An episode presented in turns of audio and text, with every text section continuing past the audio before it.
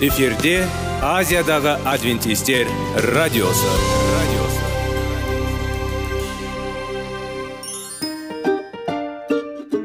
сәлем достар. Денсаулық өмір бұлағы және біздің бірінші байлығымыз демекші денсаулық сағаты рубрикасына қош келдіңіздер.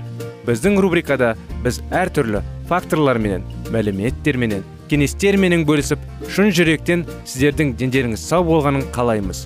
Сол үшін біздің рубрикаға қош келдіңіздер. Дайындалып тұрыңыздар. Өйткені келесі минуттарда қызықты фактілерге ие боласыздар. Енді достар ең бірінші байлығымызды қолымызға алып алға кеттік.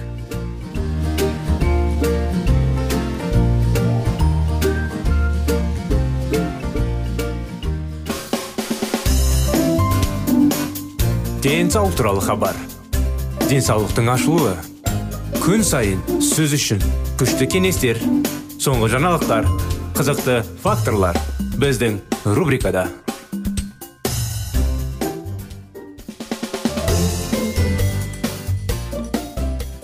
сәлем достар. Ассалаумағалейкум біздің құрметті радио тыңдаушыларымыз. Біздің денсаулық сағат бағдарламамызға қош келдіңіздер.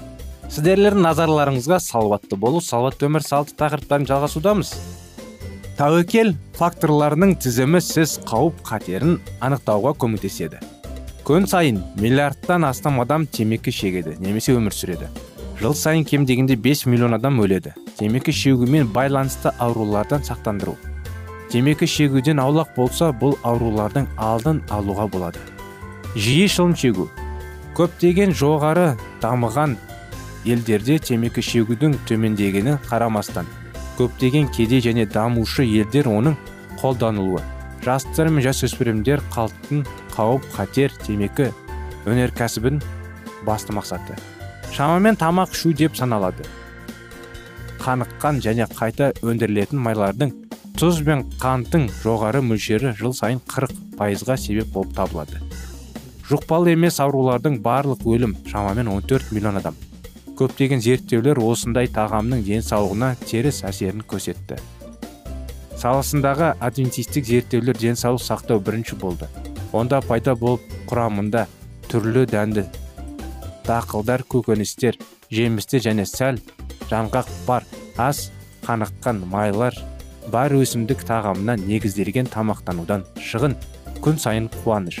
Алкоголь ішу алдын алуға болатын аурулардың үшінші үшінші негізгі себебі. Алкоголь көмектеседі. Түрлі обыр аулардың дамытуы. Жоқ зиянды болдырмау үшін оны пайдаланудың қауіпсіз деңгейі. Көрсететін денсаулығы. Өлімнің 60 пайызы алкогольді тұтынудан туындаған нәтиже жұқпалы емес аурулардың дамуы.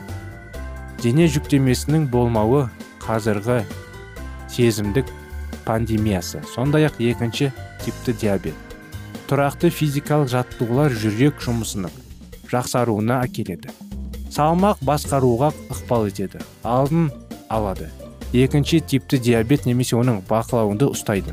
Сондай ақ кейбір обыр ауруының обырдың дамуын азайтады. Кеуде және тоқ ішек. Осылайша инфекциялық емес аурулар қоғамның денсаулығына елеулі қауіп төндіруде бірақ осы аурулардың көпшілігі толығымен алдын алуға болады. Мәліметтер бойынша жүрек қан тамыр ауруларына өлім қағдайлар көп жылына 17 миллион адам қатерлі іске шалдыққан респираторлық аурулар және диабет. Осы төрт топқа жұқпалы емес аурулардың өлімнің барлық жағдайларында 80 пайызға жуығы келеді. Жүрек үшін не сорқысы немесе теріс эмоциялар ретінде дамуға әсер етеді. Жүрек қан тамырлар аурулары не үшін өлу керек? Ашулану ашулану және дұшпандық күмән жоқ. Ең жойқын эмоциялар мен жағдайларға. Олар ең күшті стресс реакциясын тудырады. Дұшпандық ол өзіне және қабылдамау қамтиды. Және жек көрушілік және жек көрушіліктің және зұлымдықтың тілектері және кек дұшпандық бұл бұзылғыс емес. Тұрақты жағдай тіпті дүниетаным. Дұшпандық жасаған адам оңай шығамды өзін. Ол басқа және назар аударатын бос жерлерді тіркендіреді. Кардиолог роберт эллит осылай сипаттайды. Ол өзіне ұқсайды. Ит контурасы бар бөлмені жылыту үшін бір тонна отын жағатын реактор. Баға мәселесі екі центте ол энергияны жүздеген долларға жұмсайды. 1960 жоқ кешіріңіздер 1980 жылғы белгілі психиатр дертфорд уильямс оқып жүрек ауруларымен дұшпандық байланысы анықталды. Дұшпандық сезімдер 10 корреляция бар. Жүректің короналдық ауруы ауру доктор вильямс дұшпандық реакциялардың үш саласын бөледі. Қарым қатынас эмоциялар мінез құлық оның жіктелуіне сәйкес қарым қатынас саласындағы дұшпандық негізгі цинизм дейді ғой. Ол құнсыздынды және бұзады барлық жақсы ниеттер эмоциялық саладағы дұшпандықты негізгі ашу. Ал дұшпанның іргетасы мінез құлық агрессивтілік болып табылады. Зұлулық зұлымдық жиі физикалық әрекеттерде көрінеді. Алайда ол әрқашан зорлық зомбылық ретінде көрінбейді.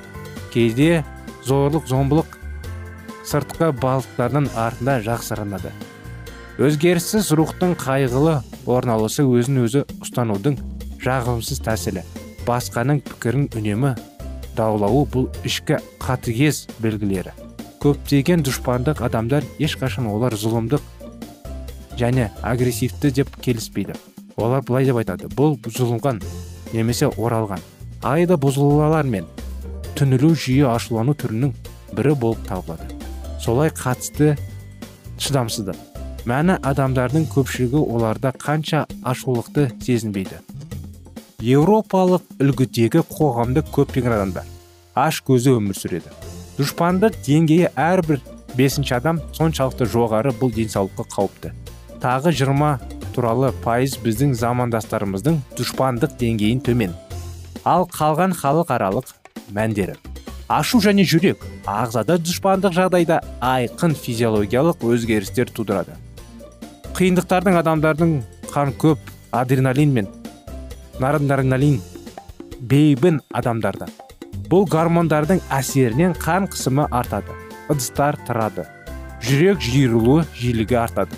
Бұл натрий ағзасында кідіруге ықпал етеді және бұл сондай ақ өз үлесін қосады қысымын жоғалуы артық кортизол қандағы май қышқылдары мен холестерин мөлшерін арттырады және арттыруды оның ұюы тергеу инфаркт инсульт тромбоз. Егер дұшпандық тұрақты сипатқа ие болса онда қысым және жүрек қан тамыр аурулары мәселелері уақыт өте келе созылмалы разрядқа етеді. Ең күшті күйзеліктердің бір соғысы. Ол стресстік гормондарды күшті шығарындыстарын тудырады. Мінекей құрметті достар бүгінге осындай мәліметтер осындай тақырыптар сіздерді қуана келесі тақырыптарымызға шақырамыз. Келесі жолға дейін сау саламат болыңыздар.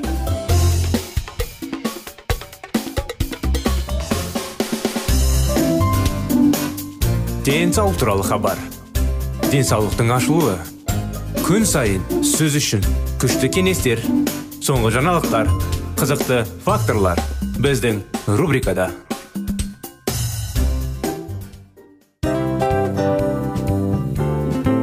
Әуелі байлық денсаулық екінші байлық он саулық үшінші байлық ақ жаулық ал енді осындай радио парақшадан кейін не дейміз? Барлықтарыңызға денсаулықтарыңыз зор болсын деп тілейміз. Денсаулықтың өзгеруі кішкентай нәрселерден басталады. Осымен біз берген кеңестер мен мәліметтер шын жүректен сіздер үшін қандай да бір болсын жәрдем берді деп үміттенеміз. Тыңдаушыларымызбен келесі радио парақшасына дейін қоштассамыз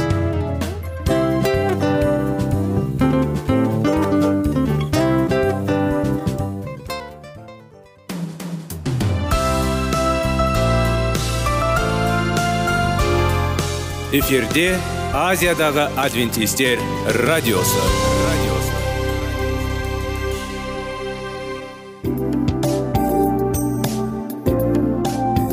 Сәлем достар. Барлықтарыңызға шын жүректен сөйлесек рубрикасына қош келдіңіздер деп айтпақшымыз. Шын жүректен сөйлесек бағдарламасы әртүрлі қызықты тақырыптарға арналған. Шындығында шын жүректен сөйлесек деген сөздің мағынасы екі достың екі адамның ортасындағы шын жүрекпен сөйлесуі бір біріне сенуі ашықтық пен шындықты білдіреді. Сол үшін біздің бағдарламалар әртүрлі қызықты тақырыптарға арналған. Дайындалыңыз жаңа қызықты мәліметтерге ие болуға. Ондай болса кеттік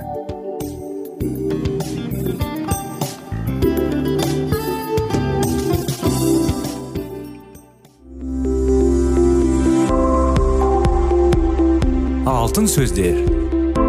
Сырласу. Қарым қатынас жайлы кеңестер мен қызықты тақырыптар. Шын жүректен сөйлесейік рубрикасында.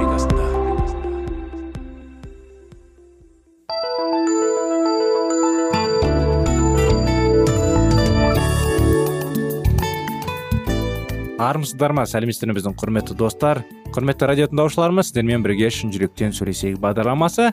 Сіздермен бірге баланың жүрегіне бес қадам тақырыптарын жалғастырайық. Гэри чемпеннің махаббатқа бес тілі кітабын оқып джим маған былай деп жазды. Ақырында мен дорис үнемі бірге сирек болатынына шағымданатынын түсіндім. Оның туған тілі махаббат тілі уақыт. Бұрын әйелім мені ренжітетін. Менің ойымша ол мені бағаламайтын деп ойлайтын. Мен оған көмектесемін ешқашан онсыз көрмеймін. Ол мәңгілік риза емес болатын мен үйде сабынды балабақшада жұмыс істедім. Мен неге дорис мені қартайғанымды байқамаған сияқты және біз бірге сирек боламын деп ойлайтынымды түсінбедім. Мен оқыған кітап іспеттес оқыған кезде көзім ашылды. Мен әйелім менің еңбекқорлығымды бағаламайды деп ойладым. Іс басқа оған көрінген. Мен оған ризамын. Иә иә мен оған көмектесемін бірақ ол бұл махаббатты көрмеді өйткені көмек оған тілеген сонда мен келесі демалыс күндері қалаға барғанда дем шештім. Біз көптеген бері ешқайда екеуміз барғанбамыз алдағы саяхат туралы білгеннен кейін әйелім алқанға кіріп қыз ретінде қалды. Джим шағындарды есептеп мұндай қысқа сапарлар қалта бойынша толық деп шешті. Енді екі айда бір рет джим және дорис демалыс күндері саяхатқа барады. Олар өз штатының көптеген қалаларында болды. Әр қарай джим былай деп жазды. Мен оған әр кеште кем дегенде 15 минут сөйлесуді бір біріне күн қалай өтті деп айтуды ұсындым. Алдымен ол құлаққа сенбеді. Ол мені қозықтыратын емес деп ойлады. Содан бәрі дорис мүлдем өзгерді. Енді менімен бірге көңілді күлкілі әйел. Ол бәріне риза және мақтауға сатып алмайды. Ол бұдан былай әрдайым маған риза болып махаббатымыз жайнап жүр. Ал бұл мен үшін өте маңызды өйткені менің махаббат тілім марапаттау сөздері. Сіз бір біріңіздің тілдеріңізді білесіздер махаббат тілдеріңізді. Білмесеңіздер соны білетін уақыт келді құрметті достар. Сол махаббат тілдеріңізді білсеңіздер бір біріңіздің өте бір біріңізге тіл табу жол табу өте оңайырақ болады.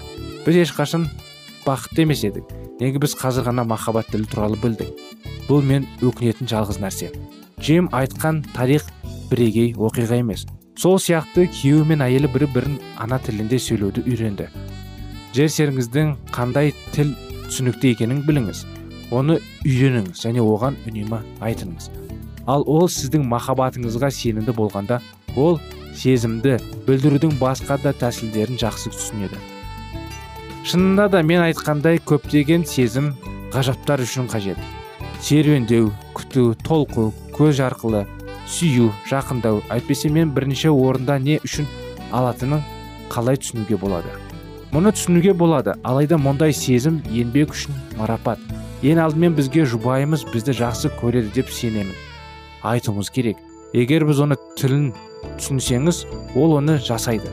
Сондықтан бұл махаббат. Кети зардап шекті. Ол үнемі әпкесіне шағымданды. Рик мені ұнатпайды дейді. Ол мүлдем бөтен болдым. Мен үшін. Бір кездері мен оған бірінші болдым. Енді жиырмасыншы. Маған дайын жұмыс гольф футбол машина оның ата анасы және тағы басқа жүріп жатыр. Иә әрине ол ешқашан менің туған күнімді үйлену жана жаза туралы ұмытпайды. Сыйлықтар гүлдер береді бірақ мен оны елеусіз сезінемін. Рик мәңгі бос емес ол маған дейін емес. Маған уақыты жоқ. Біз ешқайда бармаймыз. Біз тіпті сөйлеспейміз бұл мені күйзеліске әкеледі мен жиі оны менімен бірге болуды сұраймын ол назар аудармайды мен бәрі мәңгілік риза емес деп айтамын ол жақсы жұмыс істейді ішпейді маған көз салма көзіме шөп салмайды иә бәрі дұрыс бірақ бұл аз маған мен күйеуім мені құрметтеп кейде менімен сөйлескенді жақсы көремін мінекей алдында өтіп кеткен кішігірім оқиғаны қайтадан еске алып отырмыз мен гэри барлық балалар өсіп махаббатпен және қамқорлықпен қоршалған уақыт болады деп армандаймын. Ол кезде олар өз энергиясын ата анасы бас тартқан махаббат іздеуге емес өзгелерге оқуға өзін өзі жетілдіруге және көмекке жұмсай алады. Бұл кітаптың бұл арманын көптеген балалар үшін шындықты айналдыратынын сенгім келеді. Гэри кешірім туралы рухани және эмоционалдық тазарту туралы айтты. Мен рос сіздерді ата аналардың балалармен қарым қатынасын рухани жағы туралы еске алуға шақырамын. Мен балаларды өсіргенде мен құдайдың үміті ұлы қолдау көзінде күш жұмсадым. Бізге менің әйелім ен ән айтып ақыл ес кем қызының туын қоса алғанда көптеген қиындықтарға тап болды және біз сізді сендіре аламыз құдай әрқашан жақын ол өзінің керемет уәделерін орындауға және көмектесуге дайын. Мен үшін оның ата анасына сүйікті уәдесі 36 алтыншы забыр жырында 25 бесінші жиырма өлеңдерінде. Мен жас болдым және шаршадым және қалған әділдік көрмедім және оның ұрпақтарынан ол күн сайын сүйкімді және қарызға береді және оның ұрпағы бата болды. Мен көп жылдар бойы осы жолдарды жұмақтарды ойлайтын және бұл мақалдарды бірнеше рет тексердім. Мен шындықты ешқашан көрмедім. Мен онан балаларды бата алды және өздері бата алады деп көрдім. Мен балаларымның қалай өсіп қалай өсіп келе жатқанын көрдім. Мен құдай өз өзін ұстап оларға батасын жіберетінін көрген жоқпын. Мен де оның бала екенін сезіндім. Біздің петтен көптеген сынаулар артта қалды. Кейде біз қайда баруға қалай өмір сүруге болатынын білмейміз. Құдай бізге әрдайым қолын созып ен шаттасқан жағдайларды шығарақырады мен сізді таңдағым келеді. Сізге қазір не болып жатқанына қандай қиындықтар күтетініне маңызсыз емес болашақта. Құдай сізді қалдырмайды. Ол әрқашан сізбен жақын және сізбен сондай дейін болады.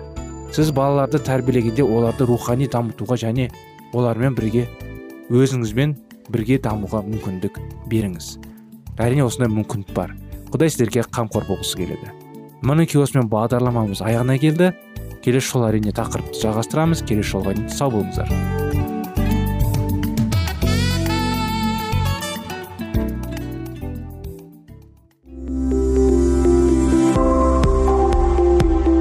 Алтын сөздер. Сырласу. Қарым қатынас жайлы кеңестер мен қызықты тақырыптар. Шын жүректен сөйлесейік рубрикасында.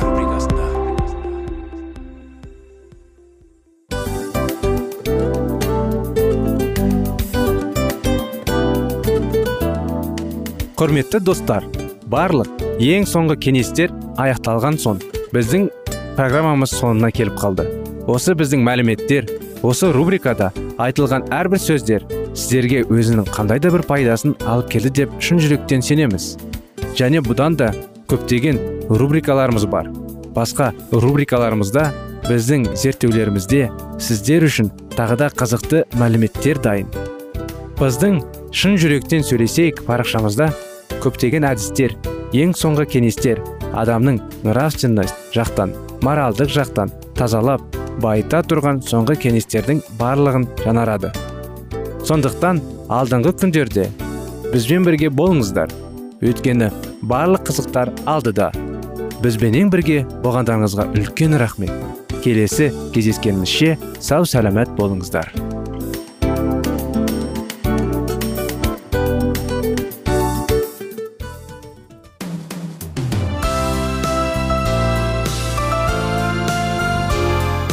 Эфирде азиядағы адвентистер радиосы. Радиосы жан дүниеңді байытқан жүрегіңді жаңғыртқан өмірдің мағынасын ойландырған рухани жаңғыру рубрикасы.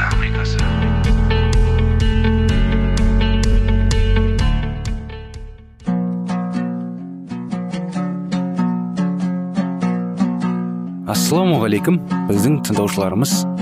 Келі кітаптың шындығын ашып берген қысқа бағдарламасына қош келдіңіздер. Барлығынан жоғары жаратушы біздің қарыңғылықта жалғыз қалдырып қойған емес. Өйткені ол келешекте не болу керек екенін киелі кітаптың парақтарында ашып береді. Немесе келіңіздер бізге қосылыңыздар. Жаратушы бізге нен ашып бергенін зерттейміз. Ұлы шайқас. Алғы сөз. Адам ата күнәнің не екенін білмес бұрын. Жаратушы хақ тағаламен еркін қарым қатынас жасаған. Тек күнә адамзатты мұндай мүмкіншіліктен айырды.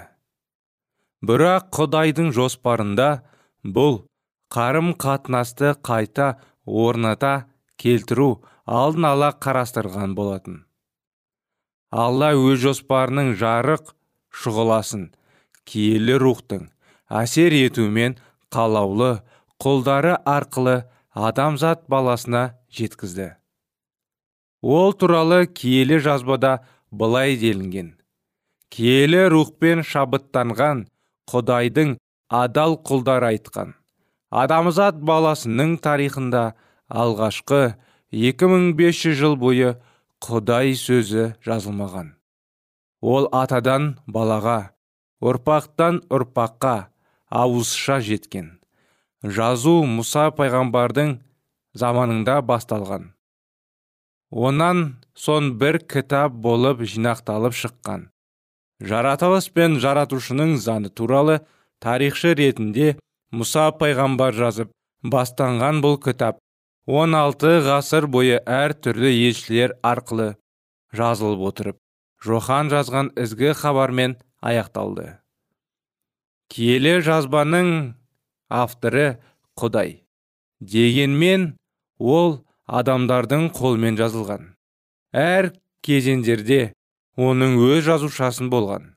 Әр кітаптан біз жазушалардың өзіндік ерекшеліктермен қоса олардың мінездерін де байқаймыз.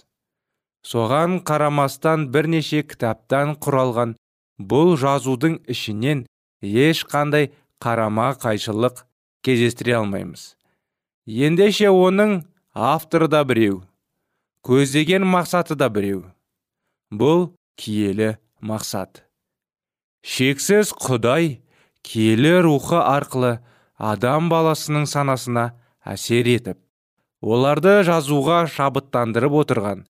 Құдай оларға түстерінде аян беріп осылайша шындықтың көзі ашылып олар ойларын белгілі жүйеге келтіріп жазған. Киелі заң құдайдың өз қолымен жазылған. Бұл адамның емес алланың ісі. Киелі жазбадағы шындық құдай мен адамның арасындағы қатынасты айқындайды. Мұндай одақ әрі құдайдың әрі адамның баласы болған мәсіхтің да бойынан көрінеді. Сонымен мәсіх туралы айтылған сөз тәнге айналып бізбен бірге болған деген аят. Киелі кітапта өз мәнін сақтайды. Киелі жазба болып жинақталған әр кітап әр қилы замандарда әр түрлі адамдар арқылы жазылған.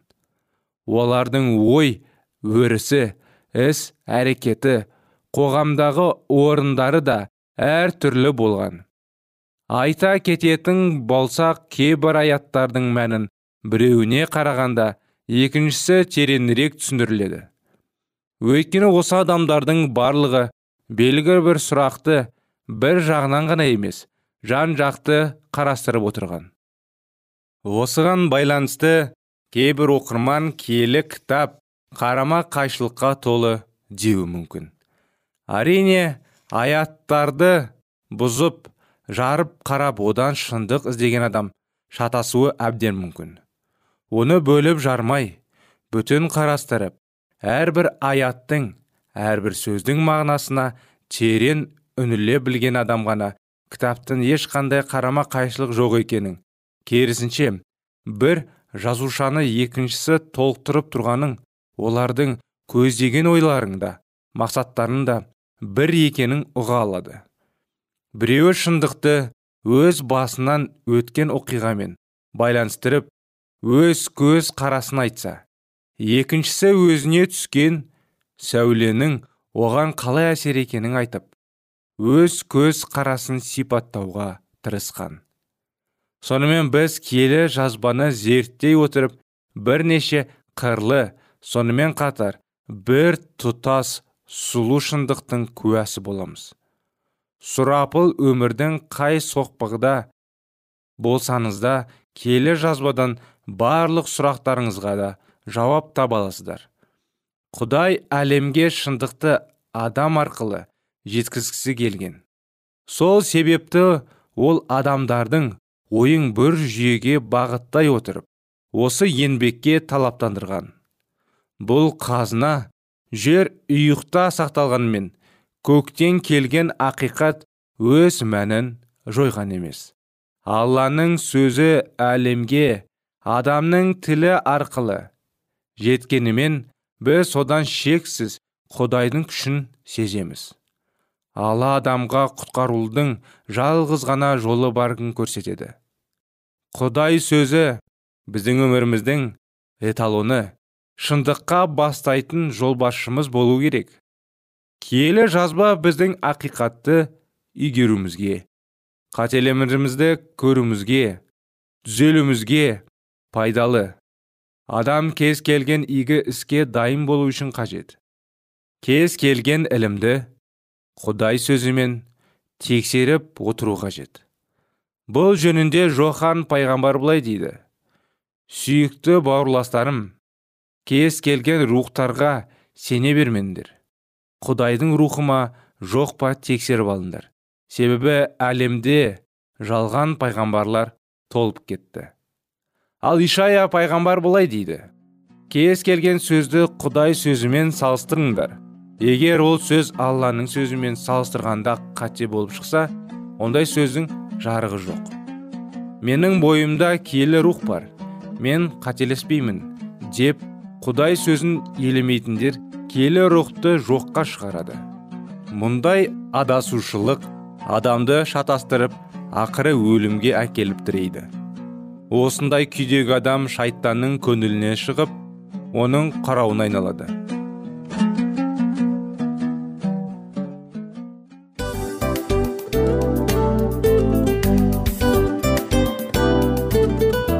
Осымен достар программамыздың зерттеуіміздің ең қайғылы минутына жеттік. Қайғылы дегенде бағдарламамыз тез арада өтті де кетті. Соған көңіліміз деп тұр. Жарайды қайғыны қояйық бүгінгі 24 сағаттың алтындай жарты сағатын бізге бөліп арнағаныңыз үшін рахмет. Егер де өткен сфераларда пайдалы кеңес алған болсаңыз біз өзіміздің мақсатымызға жеткеніміз.